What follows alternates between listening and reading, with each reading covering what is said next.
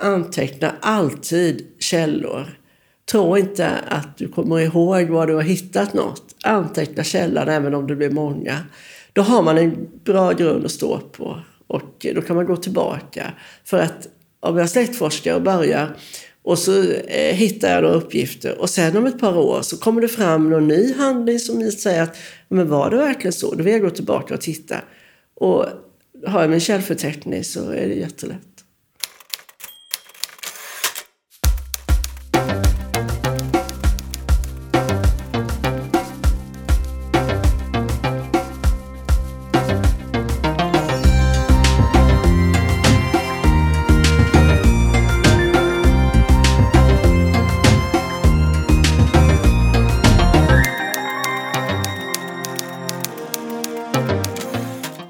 Välkomna ska ni vara till eh, 985-podden som är TAM-arkivs, TCO och Sacos arkivs podd.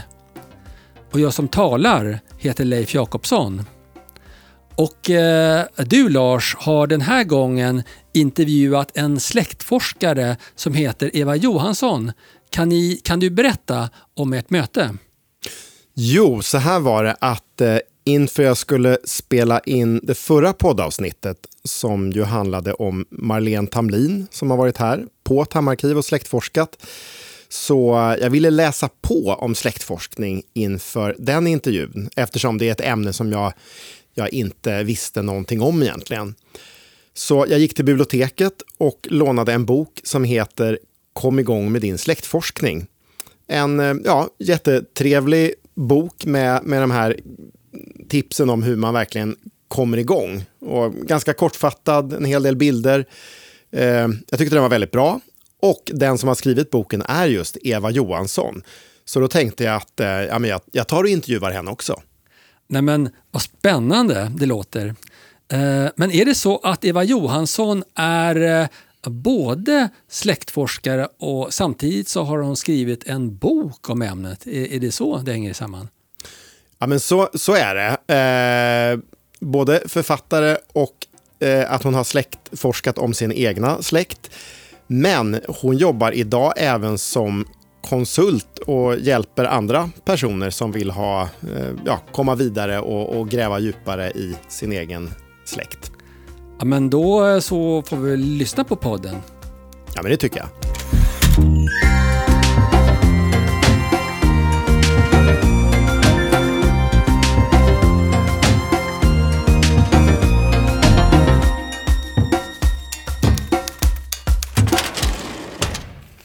Eva, du har ju skrivit en spännande bok om släktforskning. Vad är dina tips om man ska starta släktforska? Prata med sina äldre släktingar.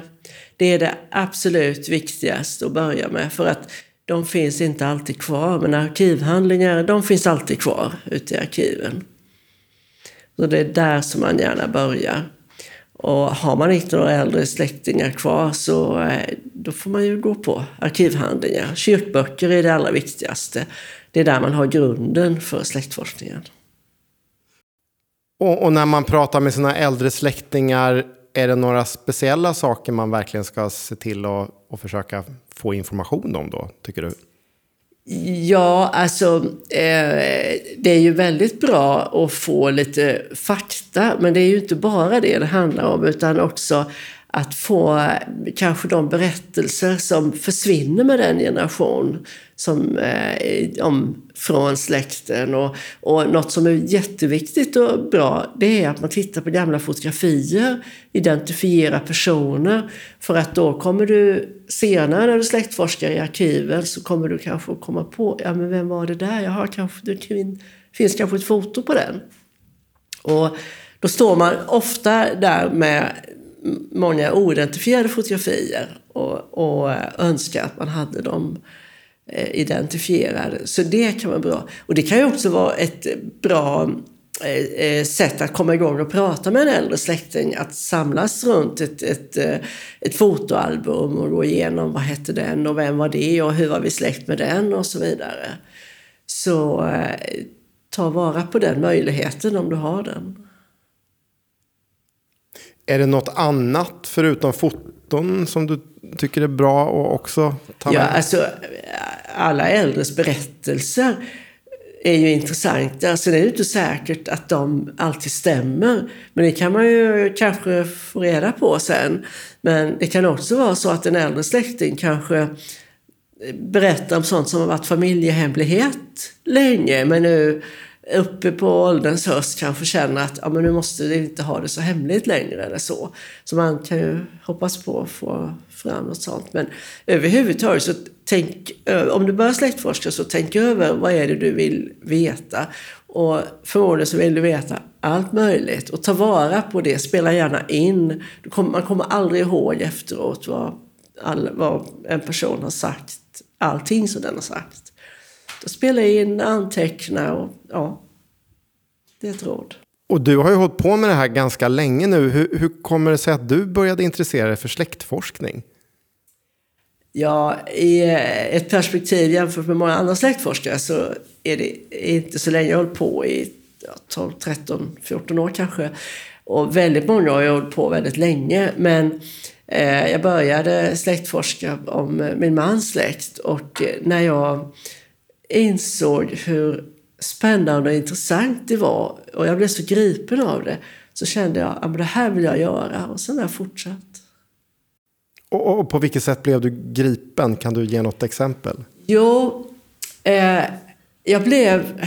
Alltså jag kände verkligen att när jag kunde se i, i kyrkböckerna var det framförallt då, för det är där man börjar, och hitta människorna inte bara vad de hette när de var födda, utan var de bodde, hur familjen såg ut, barn som dog eh, i barndomen och, och hur de flyttade och, och ja, men den bodde där ett tag och sådär.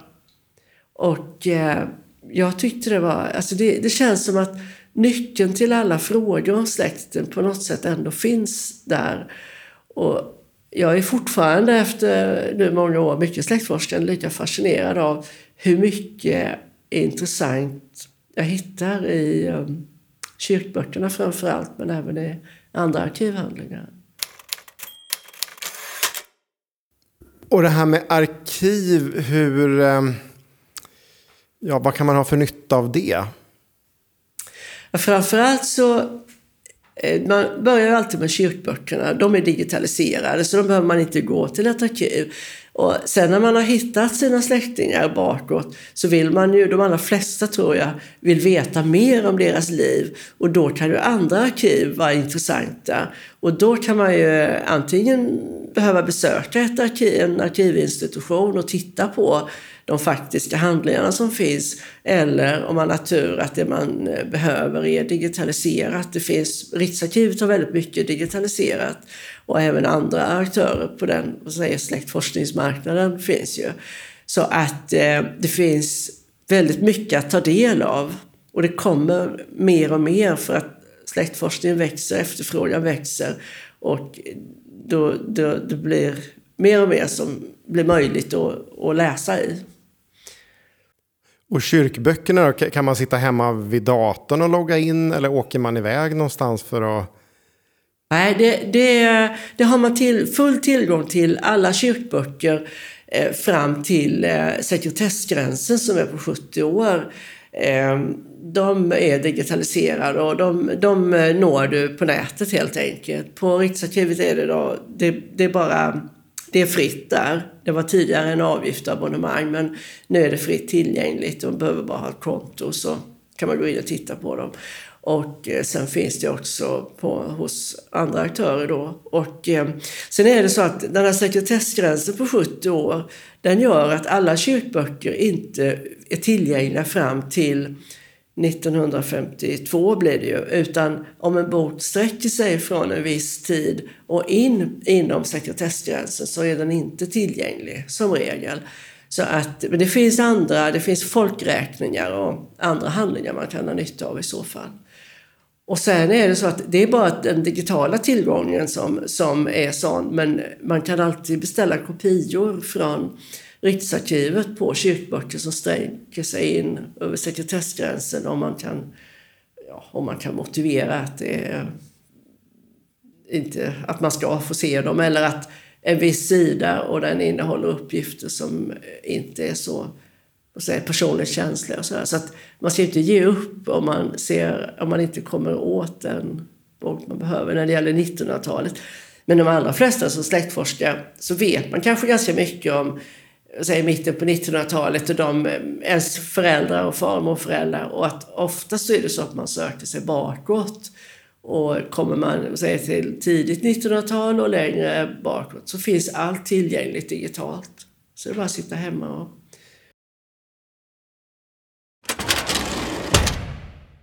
Men om man nu eh, har släkt eller släktingar i andra länder, eh, hur, hur, hur beter man sig då?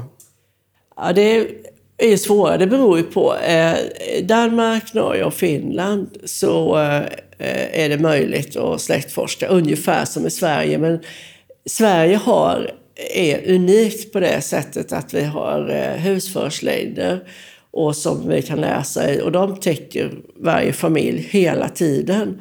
Men i eh, Danmark och Norge och Eh, där tror jag att det är mer sporadiskt, men det finns och det är tillgängligt. Men man kan hitta sin släkt. I Finland är det mer som det var i Sverige, men man har en mycket längre sekretessgräns där. Och det betyder att man behöver ha, ha uppgifter som är, jag tror, minst hundra år, kanske längre, för att överhuvudtaget hitta något i det som är digitalt tillgängligt. Och annars får man höra av sig till eh, antingen en släktforskare i Finland eller till en församling när man vet att uppgifterna ska finnas. Men i Skandinavien är det ändå möjligt att släktforska och många gör det. Och, men kommer man sen utanför Skandinavien så är det väldigt blandat. Släktforskning är ju inte så populärt i Tyskland och Frankrike med de krigsupplevelser man hade där. När man, framförallt under nazisttiden när man avkrävdes eh, om man hade arisk släktskap fyra generationer bakåt och sånt. Så sen efter kriget så blev det ju, nej det skulle man inte hålla på med. Så där är det svårare och där i Sverige är kyrkböckerna insamlade på Riksarkivet. Och de finns tillgängliga där och, och eh, ute på landsarkiven finns alla kyrkböcker. Men vad jag vet om till exempel Tyskland så finns de inte samlade i något riksarkiv eller så, utan det kan finnas ute i församlingarna. Men det här vet jag inte tillräckligt mycket om, utan det bästa är att ja, googla sig fram till och, och försöka hitta information om, om eh, vad som, eh, hur det går till helt enkelt. Sen finns det eh, mormonerna, eh, mormonkyrkan i USA, de har sedan 50-talet eh, jobbat med att eh, fotografera av eh, kyrkböcker i, jag tror alla världens länder i stort sett, där de har fått i alla fall. Och det har ju digitaliserats nu på 2000-talet så att man kan använda deras söktjänst, den heter Family Search. Och där kan man hitta eh, en hel del från andra länder. Men eh, det är väldigt mycket och det kräver lite att man sovrar i träffarna. Men där, där kan man ha tur att hitta. Och finns det ovanliga namn i släkten så är det mycket lättare.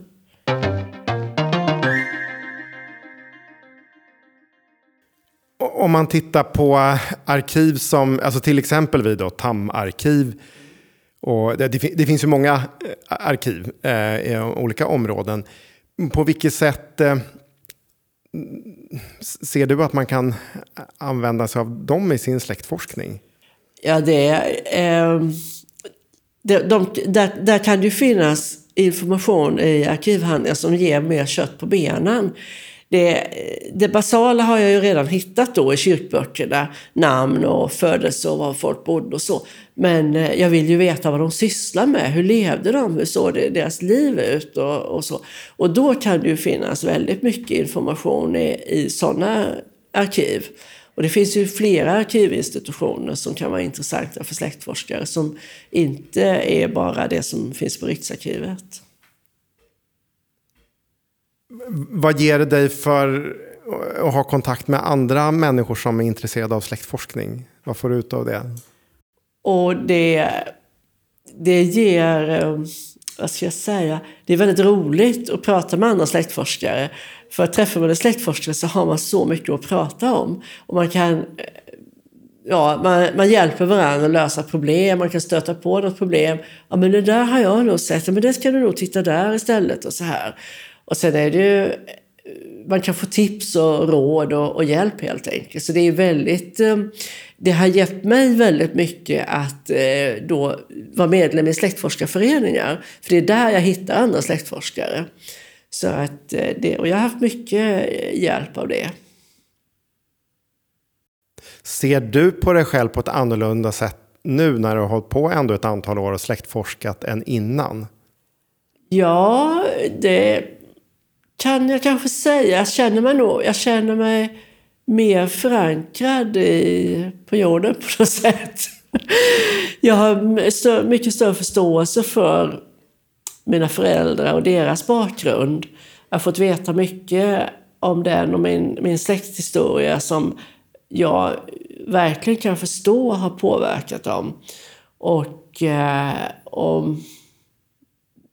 det, det, och jag har, sen, sen är det också det är intressant att få veta sin egen släkthistoria.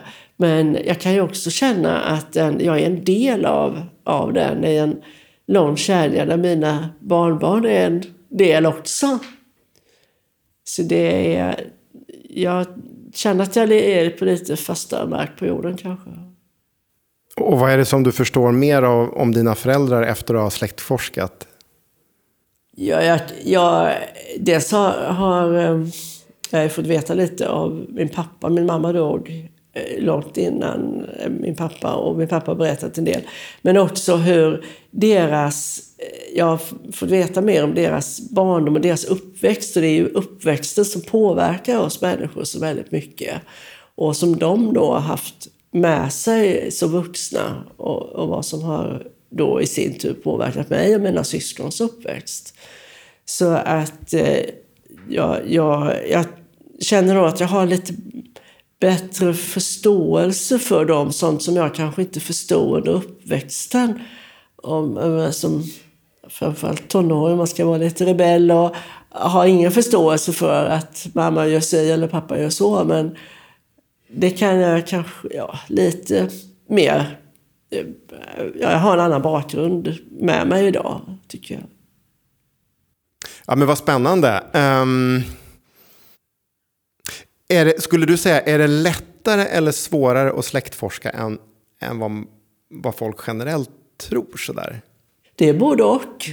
Det är det verkligen. För att många idag eh, så vitt jag märker, får en, eh, eller tror eller får, får eh, för sig att det är bara att gå ut på nätet och googla och skriva in mormors namn så får jag ett helt släktträd. Ta ett DNA-test och så får man ett helt släktträd. Och så fungerar det verkligen inte. Så där är något eh, när man, alltså det finns väldigt mycket information på nätet. Dels har vi ju arkivhandlingarna som är tillgängliga, men också väldigt många andra släktforskares släktträd.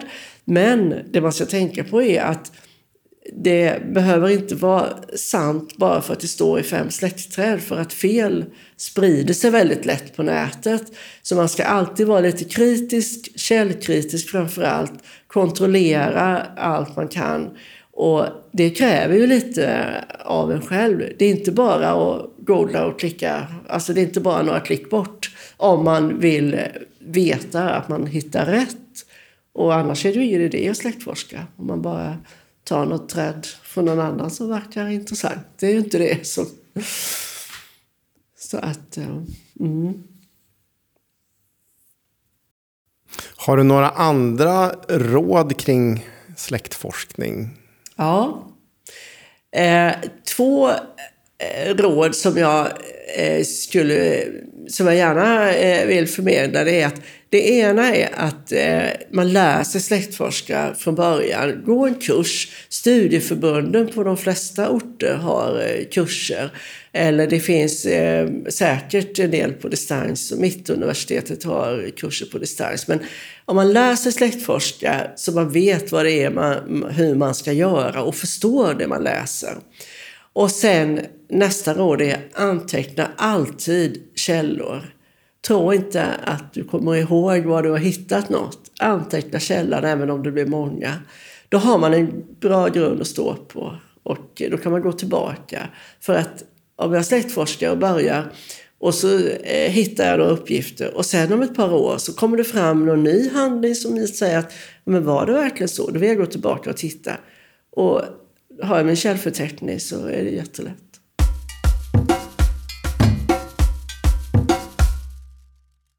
Jag tycker det är ganska kul, vad, heter det här Allt för Sverige? Uh, när ja. amerikansk, amerikaner med svenska rötter kommer hit och så gråter de och så ser de när det finns uh, ja, om, om sina släktingar. Och jag tycker inte det är så konstigt, för, för det, jag kan också fatta att det blir emotionellt. Men, men hur är det, har, det varit, har det varit emotionellt för dig när du har börjat luska i din egen släkt?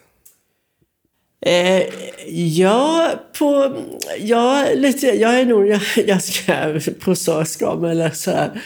Jag känner, har ju växt upp med att jag vet var framförallt min mammas släkt, var den kommer ifrån. Flera generationer bakåt. Men inte så att jag haft koll på vem som är vem och sådär. Men jag vet ungefär trakten och så. Men nu när jag har släktforskat så har jag eh, kunnat besöka flera gårdar där jag vet att min släkt har funnits, bland annat en släktgård. Där min släkt har funnits sedan 1600-talet. Jag har min släkt från eh, mellersta Halland. Och, och det här var under tiden som Halland var danskt, tillhörde Danmark. Och där har jag fortfarande släkt kvar, en tremänning som har gården idag. Det tycker jag är jätteintressant och, och det kan jag ju känna liksom inom mig att och det här överbryggar tiden väldigt mycket. Och, och jag har varit ute med min ene bror. Han och jag har varit ute och letat upp gamla släktgårdar och ställen och torp och så där, där vår släkt har funnits. Och han är bra med kameran så han fotograferar så har använt det till en släktbok. Och det har varit väldigt roligt att göra det tillsammans. Det har också bidragit till den här känslan av att här kan vi stå på en gårdsplan, han och jag, idag för ja, några år sedan. Och så har vår släkt, de har gått här för 300 år sedan. Det är lite svindlande. Det, den känslan verkligen. har jag fått ibland. Verkligen. Intresset för släktforskning då? Hur, eh, för du jobbar ju aktivt med det. Hur, är det något som ökar, minskar, går i vågor? Ja, vad jag har sett så har det varit en väldigt stor ökning, framförallt under pandemiåren. Och jag tror, jag tror att många har, när man har varit hemma mer och börjat fundera på, på det här kanske. Jag har en känsla av att det är så. Och sen är det, har det blivit, eh, det har sänds flera olika tv-program som anknyter till släktforskning. Både Allt för Sverige och Vad sitter det i väggarna och Arving och Okänd tror jag det finns något, något liknande.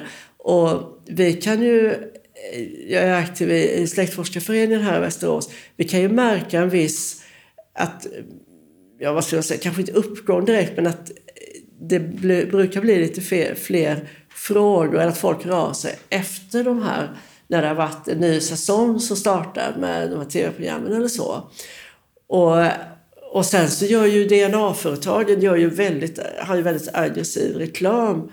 Och det tror jag också bidrar till att eh, när många tar ju DNA-test för att, ja, på kul bara sådär, eller de får det i present eller så. Det, det, men så kanske det ändå tänder en liten eh, gnista av nyfikenhet för vad jag har märkt så har intresset ökat enormt de sista ja, två, tre åren.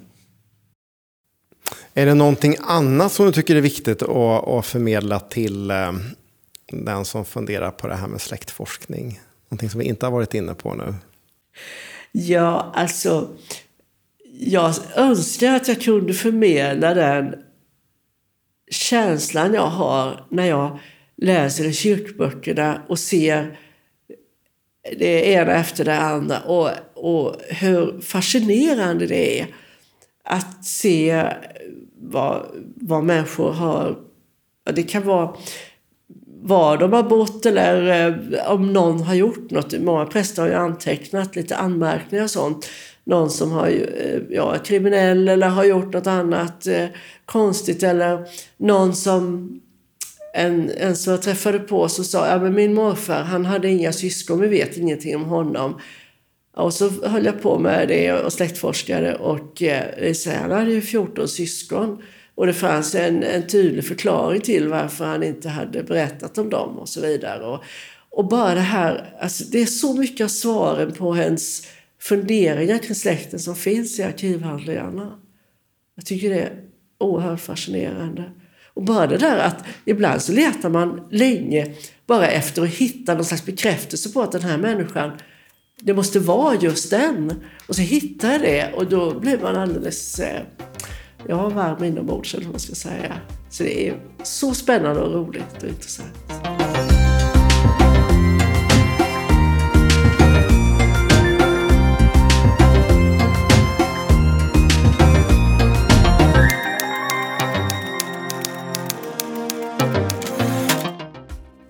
Ja, Lars. Nu när vi har lyssnat eh, på hela den här podden med Eva Johansson, är det någonting som du tycker är speciellt intressant när det gäller din intervju? Ja, det var ju mycket av det hon sa som eh, jag tycker är väldigt bra råd.